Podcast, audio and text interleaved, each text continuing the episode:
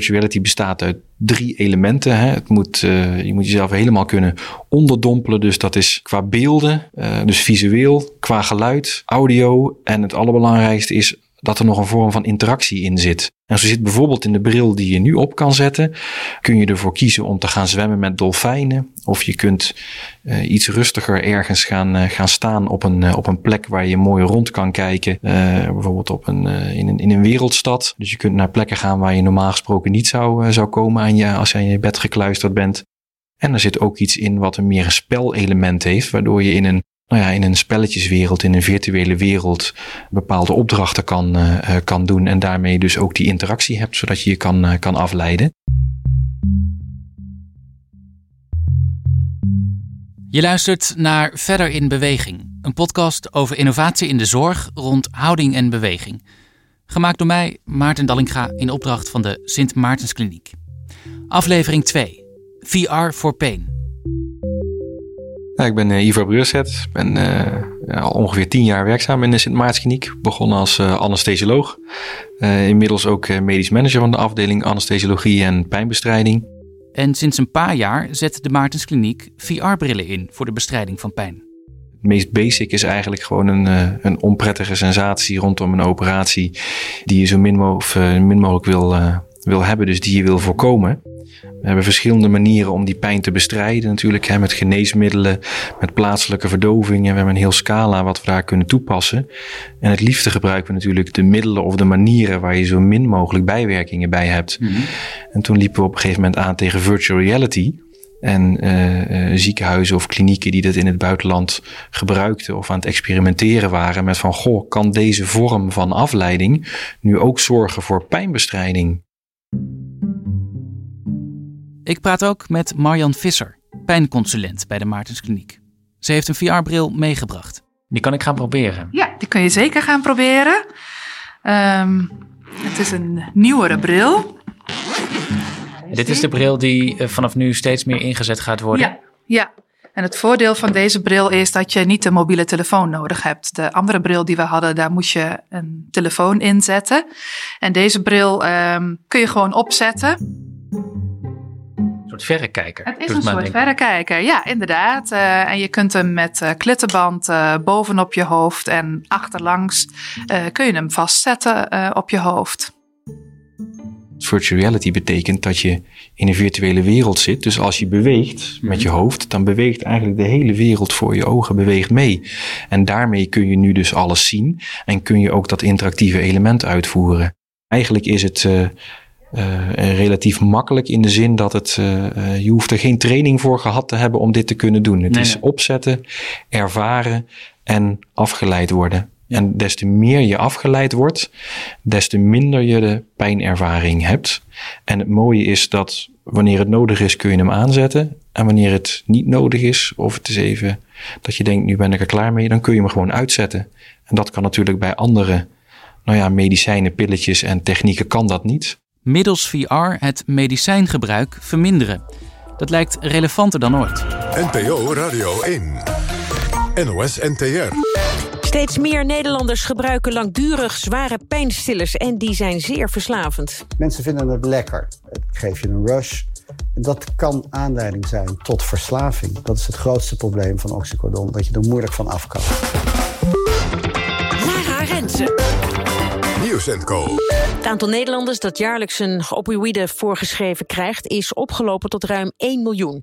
1 op de 5 gebruikt de zware pijnstiller. Langer dan drie maanden, zo blijkt uit cijfers van Zorgverzekeraars Nederland. Iedereen heeft natuurlijk ook gehoord van de, de, de berichten uit Amerika... met de opiaat, opioïdcrisis en dat soort zaken. Genoeg reden dus om te starten met VR. Ivar Brusset legt meer uit over hoe het werkt als pijnbestrijder je stoot jezelf of uh, je tikt ergens tegenaan. En als je dan met je hand eroverheen wrijft, dat is een natuurlijke reactie, dan, dan leid je als het ware de gevoelszenuwen af. Mm -hmm. Dus als je andere prikkels brengt, dan wel op de plekken waar je pijn hebt, dan wel in je hoofd, dan komt die oorspronkelijke pijnprikkel minder binnen. En zo werkt virtual reality eigenlijk ook. Doordat je hoofd, je hersenen bezig zijn met iets anders of afgeleid worden door iets anders, dempt dat eigenlijk die signalen die binnenkomen uh, van de pijn. In hoeverre uh, maakt het uit voor de medicatie? Wat is de invloed van VR op het medicijngebruik? Als je ervan uitgaat dat inderdaad uh, virtuality die pijnstillende werking heeft, dan wil je dat ook terugzien in het gebruik van medicatie. En eigenlijk wil je dat terugzien in het gebruik van de zwaarste soort medicijnen. Ja.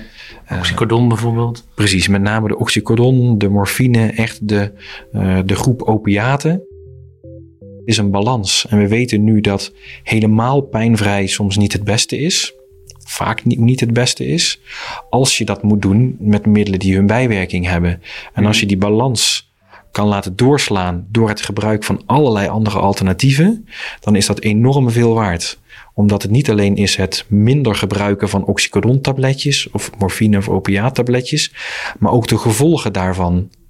Dus als we meerdere patiënten hebben die minder oxycodon en opiaten gebruiken gedurende de opname, weet je dat vervolgens in het natraject er ook minder patiënten langdurig problemen mee gaan ondervinden. En hoe langer je het doorgaat, hoe langer de gewenning wat kan doorgaan in verslaving werkt. Even heel concreet, hoeveel pilletjes kan het schelen? Ja, het is natuurlijk heel lastig afhankelijk van de patiënt en zo, maar kan je daar iets over zeggen? Uh, maat en getal is altijd lastig, maar, maar om een voorbeeld te geven, en om de orde van grootte weer te geven. Mhm. Als je iemand hebt die er zeg maar 10 per dag zou innemen en het zijn er 8. Ondanks dat het een procentueel kleinere vermindering is, heeft dat toch op de lange termijn de effecten. Want je kunt sneller afbouwen, je bent er sneller vanaf. Maar bijvoorbeeld die patiënt die een plaatselijke verdoving heeft die eigenlijk helemaal goed ligt. En dan gaat die knie bewegen op zo'n apparaat. En die heeft dan net op dat moment pijn. Als je dat kan wegvangen, is dat het verschil tussen helemaal niets en toch wel die oxycodon of de morfine of dat andere middeltje. En dan heb je niet alleen het verschil tussen een paar pilletjes, maar dan heb je het verschil tussen wel of niet. Nou ja, en een groter verschil dan dat kun je eigenlijk, niet, uh, kun je eigenlijk niet maken. Ik ben uh, Remy Veldhuizen, ben 47 jaar en ik kom uit Hussen. Remy is een van de inmiddels ongeveer 100 patiënten die bij de Maartenskliniek gebruik hebben gemaakt van de VR-bril. Waarom ben je hier terechtgekomen bij de Sint Maartenskliniek? Uh, omdat uh, mijn beide knieën helemaal versleten waren en daar moest gewoon wat aan gebeuren. Kraakbeen uh, tussen de meniscus dus kapot en, en gewoon echt versleten. Ik heb een, iets te hard gewerkt. Wat voor werk deed je? Oh, ik heb van alles gedaan, maar ik heb, uh, ben ook betonijzervlechter geweest. Altijd gewoon veel en hard gewerkt. Niet zo gauw stoppen. Vanaf kinds af aan al. Remy is meerdere keren geopereerd aan zijn linkerknie. Hij kreeg eerst een plaatje en heeft inmiddels een prothese. Hij heeft nog steeds pijn aan zijn linkerknie en zijn rechterknie moet nog geopereerd worden. Ik kan geen auto meer rijden. Ik kan uh, de koppeling van de auto niet intrappen. Dus je komt zowat nergens. En voorheen had ik een oude scootmobiel, die heb ik zelf gekocht. Ja, die kon ook niet zo heel erg ver, die kon maar een kilometer of vijf. Nu heb ik gelukkig een nieuwe, maar dan nog, dan ben je weer afhankelijk van dat ding. Mhm. En dan zit je in een scootmobiel en dan ben je 47 jaar. Op welk moment gebruikte jij die bril? Wat voor operatie had je toen gehad? Toen had ik een uh, uh, revisie gehad op de prothese. Toen hebben ze de bovenkant vervangen door een langere pin en de tussenplaat was vervangen. Dus eigenlijk weer gewoon een volledige operatie. Ja. De eerste keer dat me die bril werd, werd aangeboden, dacht ik eerst wel, wat moet ik ermee? Maar wederom lag ik op een kamer met wat oudere mensen. Dus de aansluiting was wat lastig. En toen ik eenmaal met die VR-bril begon, dacht ik van, hé, want je kijkt, eh, je ziet geen dingen rondom je heen en je hoort ook niks. Je bent even in je, in je eigen wereldje. En uh, het was fijn op dat moment om je eigen dan te kunnen afsluiten. Mhm. En, en de, de pijnscores, wat de, de verpleegsters uh, komen vragen, die liggen op dat moment lager, dus ook lager. Ja, omdat je minder ermee bezig bent waarom je daar in het ziekenhuis ligt. Want je bent dat, die bril aan het ontdekken.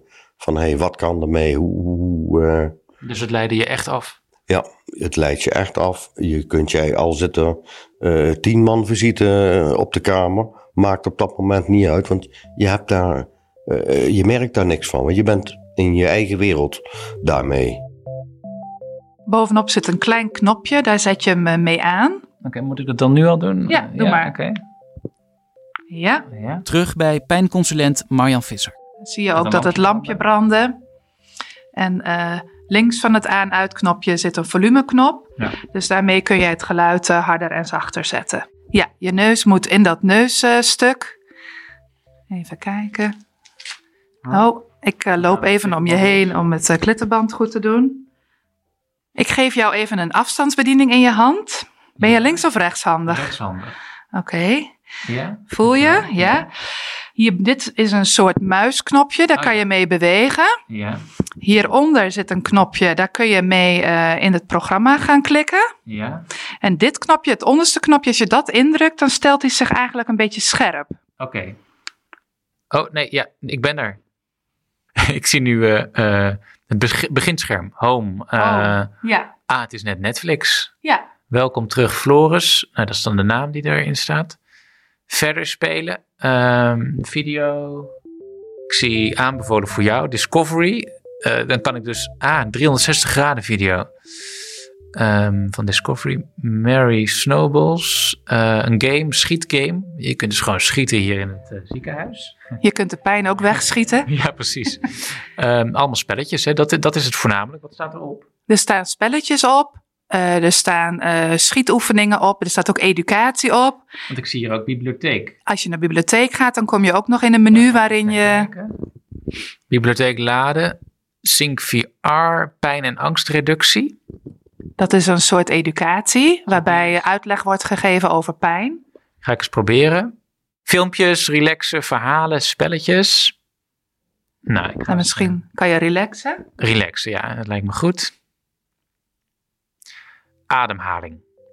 Daar kies ik dan nu voor. Omgeving laden, zegt hij. Het voordeel is, eh, we gebruiken het niet alleen om eh, pijn ehm, misschien wat minder op de voorgrond te laten zijn, maar ook eh, om te zorgen dat mensen wat meer ontspannen zijn. Of dat Ja. ze bij slapeloosheid ehm, door het geluid van het kabbelende water eh, lekker rustig worden en in slaap kunnen vallen. Nou, ben ik dus hier aangekomen en ehm, wat ik zie is een, eh, een soort berglandschap Ja. met allemaal bomen. En ik loop nu op een pad naar beneden, de heuvel af. Een soort zandpad. En ehm, boven mij zie ik allemaal sterretjes. En Ja. de lucht is heel mooi blauw, donkerblauw. Ja. ik ontspan helemaal inderdaad. Het is heerlijk. Ja, kon dit maar eeuwig duren. Ja. Ja. En op dit moment staan we aan, aan de, de vooravond van zeg maar, de maatschappelijke implementatie van virtuality, als je dat zo zou willen noemen. Het aanbod, zowel aan techniek als aan eh, programma's, dat stijgt enorm. Dus Ja. het is een hele mooie tijd om daarin eh, mee te gaan. Wat we, wat we nu weten is dat het effect er is zolang als je de bril op hebt.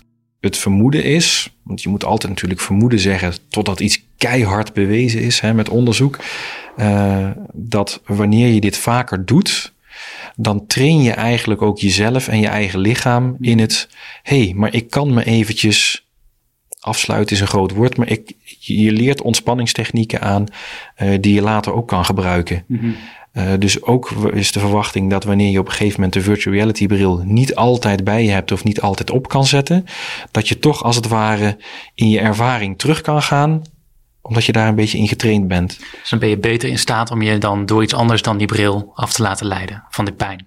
Precies. Het allermooiste wat de virtuality bril ons natuurlijk ook biedt, is in de acute situatie gewoon afleiding. Maar ook mensen met chronische pijn bijvoorbeeld, of die, die langer ergens last van hebben, kun je bepaalde cursussen of trainingen die je normaal gesproken mindfulness of andere dingen die je, die je dan echt zou moeten trainen met een trainer erbij, kun je aanleren in een virtuality omgeving. Dus je kunt als het ware een cursus volgen mm-hmm. in de virtuality omgeving. Dan ben je en afgeleid en je volgt de cursus. En als je vervolgens de virtuality spullen niet bij je hebt, heb je wel die cursus aangeleerd. Ja. Dus kun je, kun je teruggaan naar die eigen innerlijke beelden.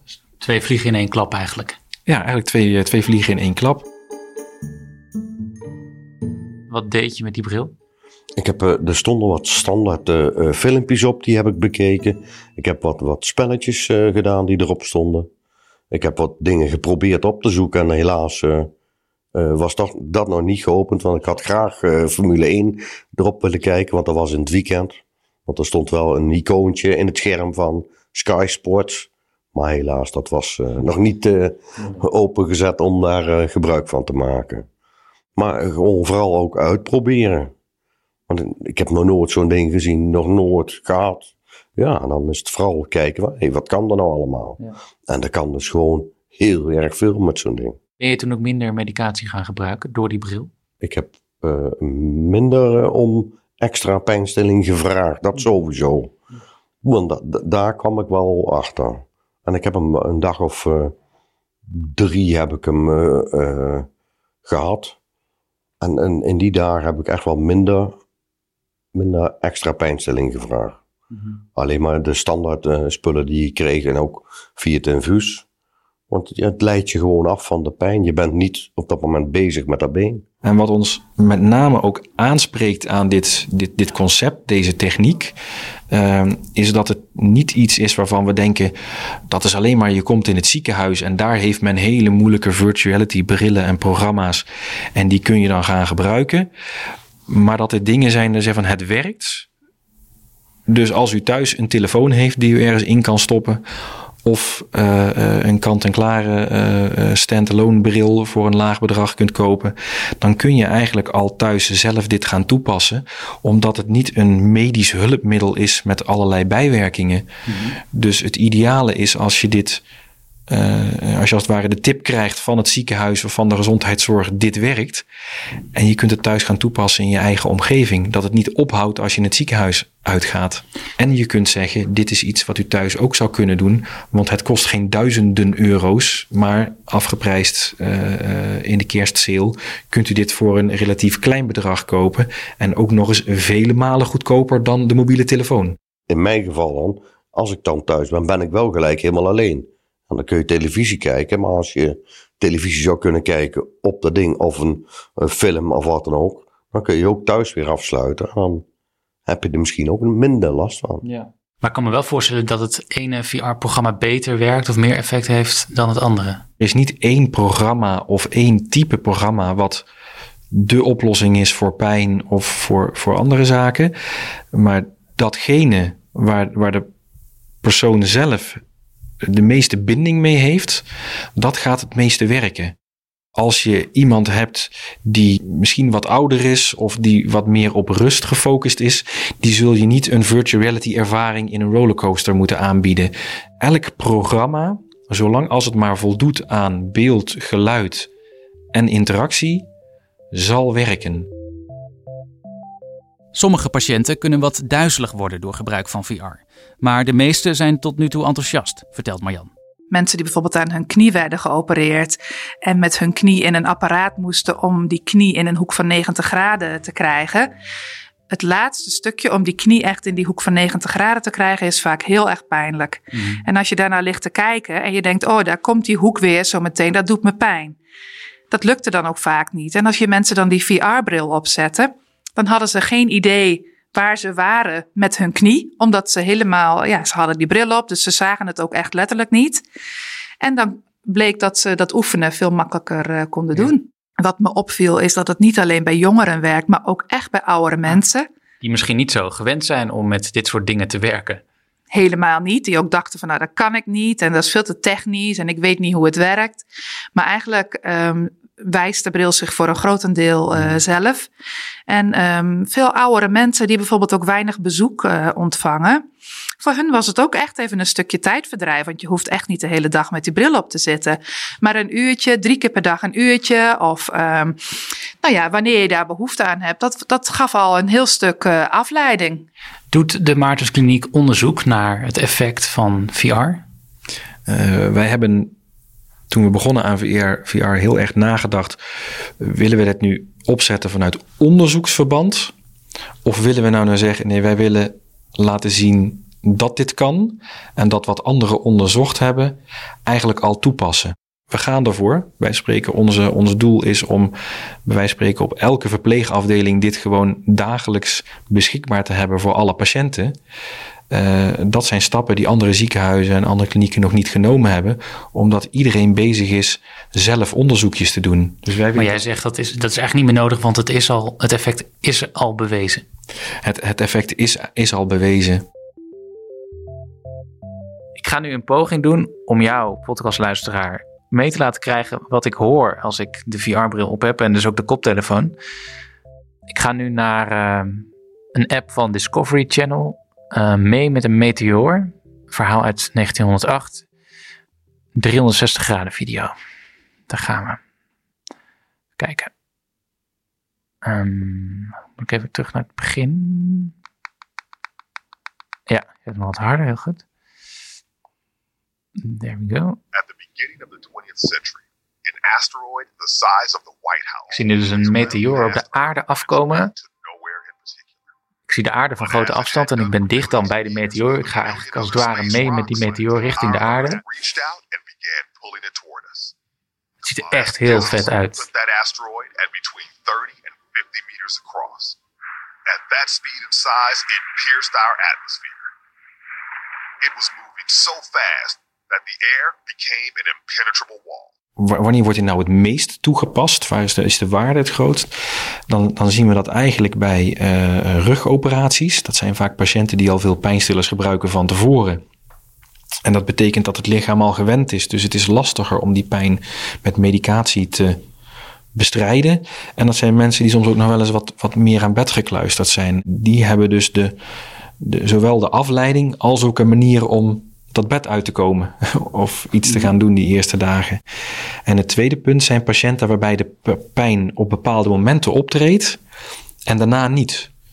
Dus als je dan een pijnstiller geeft die zes uur werkt, maar de pijn treedt alleen maar op bij beweging met de fysiotherapeut en in rust eigenlijk niet, dan heb je een misschien wat tekort nog bij het bewegen en tussen haakjes een, een overdosering op het moment dat je stil ligt. Want dan had je geen klachten, maar dan werkt toch die morfine. En op die momenten, dus als er bijvoorbeeld fysiotherapie, en dan bedoel ik dus niet de fysiotherapie lopen, want dat zal wat lastig zijn met een bril, maar fysiotherapie in bed, waar iemand met een knieoperatie op een beweegbaar robotapparaat wordt gezet, wat die knie gaat buigen en strekken. Mhm. Dat zijn pijnlijke momenten. Als je dat kan overbruggen met virtual reality en als dat stukje therapie voorbij is, de virtual reality bril wil kan neerleggen, mm. dan heb je echt op maat pijnstilling daar waar het nodig is. En wij voorzien daar ook een rol als we dat breder beschikbaar kunnen stellen. Dat als patiënten pijn hebben en daar blijven natuurlijk alle andere pijnstillers beschikbaar voor. Dat heeft natuurlijk een tijd nodig om in te gaan werken. En zo'n virtual reality bril, die kun je pakken, die zet je op. En dan heb je al je eerste, je eerste actie. En afhankelijk daarvan kun je kijken, is het nodig om nog iets in te nemen of kan ik die tijd overbruggen? Ik werd er minder somber van, zeg maar. Want anders lig je alleen maar, oh, mijn been doet zo pijn en ik heb er zoveel last van. En wat moet er nou gebeuren? je gaat dan niet daar meer over nadenken. Vond je het niet ook een beetje spannend? Want je sluit je natuurlijk letterlijk helemaal af van de buitenwereld. Uh, je weet niet wat er verder om je heen gebeurt. Hoe vond je dat? Ja, op zich was dat wel. Uh, af en toe dan deed ik meeleven omhoog om even te kijken van hey, wie zijn er allemaal? Want uh, ik heb ook gehad dat ik ermee bezig was en dat de arts uh, er was. En die heb gewoon vijf minuten staan te kijken van wat doet hij toch allemaal? Want het is wel vreemd. Je ligt in dat bed. Je, je kijkt in de ronde met die bril op. En je hebt ook nog die, die afstandsbediening erbij. Dus daar beweeg je ook nog mee. Als mensen niet weten wat je aan het doen bent, dan denken ze van nou, die is niet helemaal, helemaal goed hier. Eh. Nee, maar ja, eh, ik vond het wel echt wel een, een eye-opener vooral voor mij. Van, hey, eh, natuurlijk heb ik dat wel eens gezien, uh, zo'n VR-bril bij een nieuwe telefoon of wat dan ook. Maar nu heb je hem daadwerkelijk. dacht ik, wat is dat dan allemaal? Ja. en het heeft me echt wel... Ik vond, vond het verbazend, verbazingwekkend hoe wat het deed met mij. Ik vond het allemaal heel bijzonder. Vooral die filmpjes, als je dan ziet van hé, hey, dat je ook daadwerkelijk zo rondom je heen kijkt. Dat zag je. Eh, dat dingen op je afkomen en dat het zo scherp, zo helder is. Kun je hiermee ook op internet bijvoorbeeld? Ja, je kunt hiermee ook op internet. En uh, je kunt op Facebook, Instagram, uh, je kunt je social media bijhouden. Uh, maar je kunt ook filmpjes kijken op YouTube. Ja.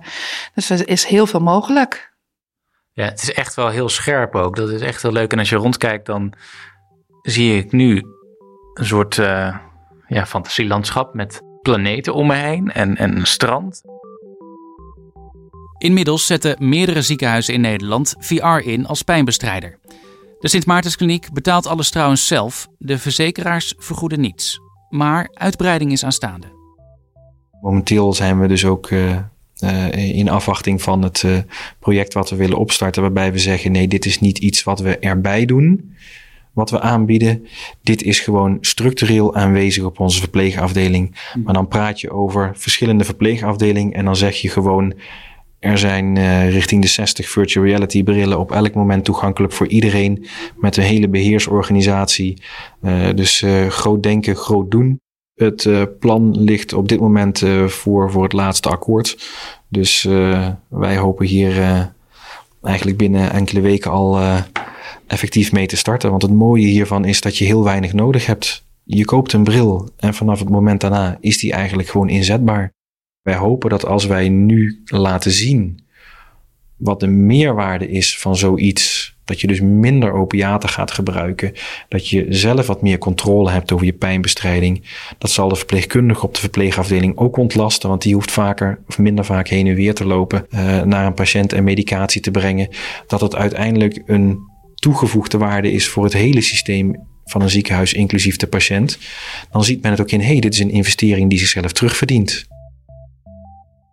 Hoe zie je de toekomst van VR binnen de zorg? Ja, ik denk dat het steeds meer uh, gebruikt gaat worden. In de revalidatie uh, komt een heel groot project met VR, omdat ja, ook het, het oefenen, het, um, echt het revalideren met VR ook veel beter gaat. Ja. Nou, als je een opdracht krijgt van nou, knijp 20 keer per dag in een balletje, dan vind je dat misschien een hele saaie oefening. Maar als jij uh, in een VR-omgeving, je hebt die bril op en je hebt een soort balletje in je hand ja. en je moet daarin knijpen, dan gaat het onbewust en dan kan je ook de kracht meten waarin uh, iemand in zo'n balletje knijpt. Of als mensen moeten lopen en uh, ze zien zichzelf lopen met VR. Ik denk dat dat veel, heel erg motiverend werkt en stimulerend. Ja. Ja. Je kunt de spelelementen toevoegen. Absoluut, ja. We weten dat we in de gezondheidszorg meer moeten gaan doen met evenveel of minder mensen. De, de zorgvraag zal alleen maar toenemen. Dus wij moeten in alles wat wij doen, als je, of het nou is efficiëntie of behandelmethodieken of andere dingen, moeten wij bedenken hoe kunnen wij onszelf een stukje overbodig maken, omdat wij straks niet meer hebben mm-hmm. of niet meer kunnen betalen. Dus hiermee bereid je je voor op de toekomst op de toekomst van meer zorgvraag? Op de toekomst van meer zorgvraag. En als we ook kijken specifiek naar de verpleging. Ja, hoe zorg je dat je nou je, je, je handen vrijmaakt om wel tijd te hebben voor dat praatje met die patiënt en alle andere dingen te doen die gewoon horen bij zorgen voor patiënten. Dan moet je zorgen dat je andere dingen niet doet nou, wat zorgt ervoor dat je die andere dingen niet hoeft te doen? Die virtual reality bril. Als er één patiënt is die de virtual reality bril opzet en niet op de bel hoeft te drukken voor medicatie, betekent dat die verpleegkundige bij een andere patiënt wel even kan vragen: hoe is je dag en hoe gaat het ermee? Dit was de tweede aflevering van Verder in Beweging. Enthousiast abonneer je dan om de volgende afleveringen automatisch binnen te krijgen. En laat een recensie achter in je podcast-app of deel deze aflevering via sociale media. Wil je reageren? Mail dan naar communicatie.sintmaartenskliniek.nl. Bedankt voor het luisteren.